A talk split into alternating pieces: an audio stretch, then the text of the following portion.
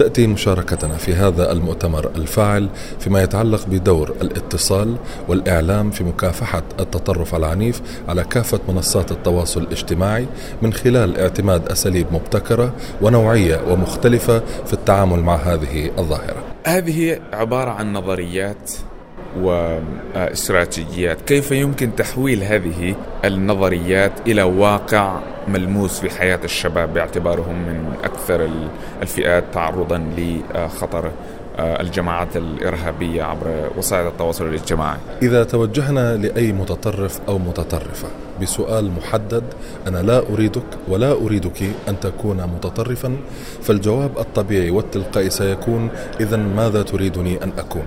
اليوم جماعات التطرف تعطي أبنائنا وبناتنا الشعور بالهوية الإحساس بالانتماء. هناك قضية يدافعون من أجلها ويموتون لأجلها.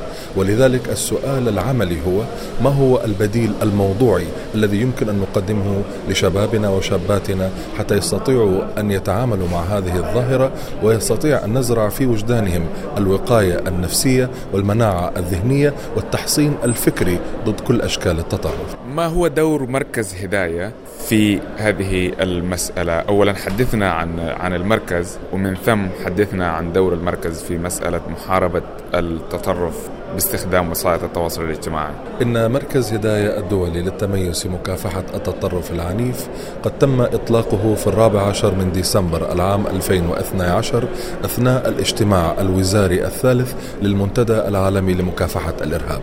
ويتشكل مركز هداية من مجلس إدارة دولي فيه عضوية 12 دولة من مختلف مناطق العالم وفي نفس وقت هذا المركز لديه ثلاثة مهام أساسية فهو يجري البحوث والتحليل كما أنه يقوم ببرامج بناء القدرات والتدريب كما أنه يدير برامج متعلقة بالحوار والاتصال والإعلام. والهدف الأساسي الذي يعمل من خلاله مركز هداية هو كيفية القيام ببرامج عملية ميدانية نستطيع من خلالها رفع مستوى الكفاءة لدى الممارسين للتعامل مع مختلف التحديات. فعلى سبيل المثال نحن عملنا في مناطق مختلفة سواء في أفريقيا في وسط آسيا أو حتى في مناطق مختلفة ترتبط بمفهوم رفع مستوى الوعي والجاهزية وتطوير الممارسات الجيدة للتعامل مع آفة التطرف. ايا كانت سواء كان اليمين المتطرف اليسار المتطرف سواء التطرف الديني أو التطرف الفكري.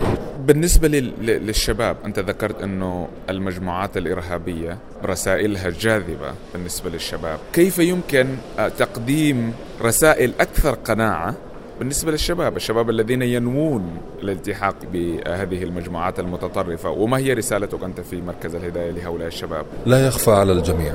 أن هذه الجماعات المتطرفة تمارس شكل من أشكال الابتكار المنحرف بحيث أنهم يوظفوا كافة الطاقات الإبداعية عبر منصات التواصل الاجتماعي للتأكيد على مبدأ الوصول إلى الشباب والشابات من خلال الوقوف على القضايا التي تمسهم.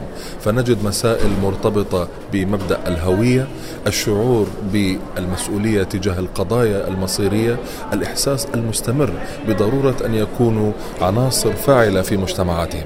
ولذلك الجواب الأساسي والحقيقي هو الاقتراب من نبض الشباب من خلال إشراكهم في هذه العملية من خلال المسائل المرتبطة بالتحصين والوقاية وأيضا وضع البرامج التي يستطيعوا أن يعملوا من خلالها. فمفهوم الدبلوماسية الثقافية الدبلوماسية الفنية الدبلوماسية الرياضية المفاهيم المرتبطة بدور الشباب.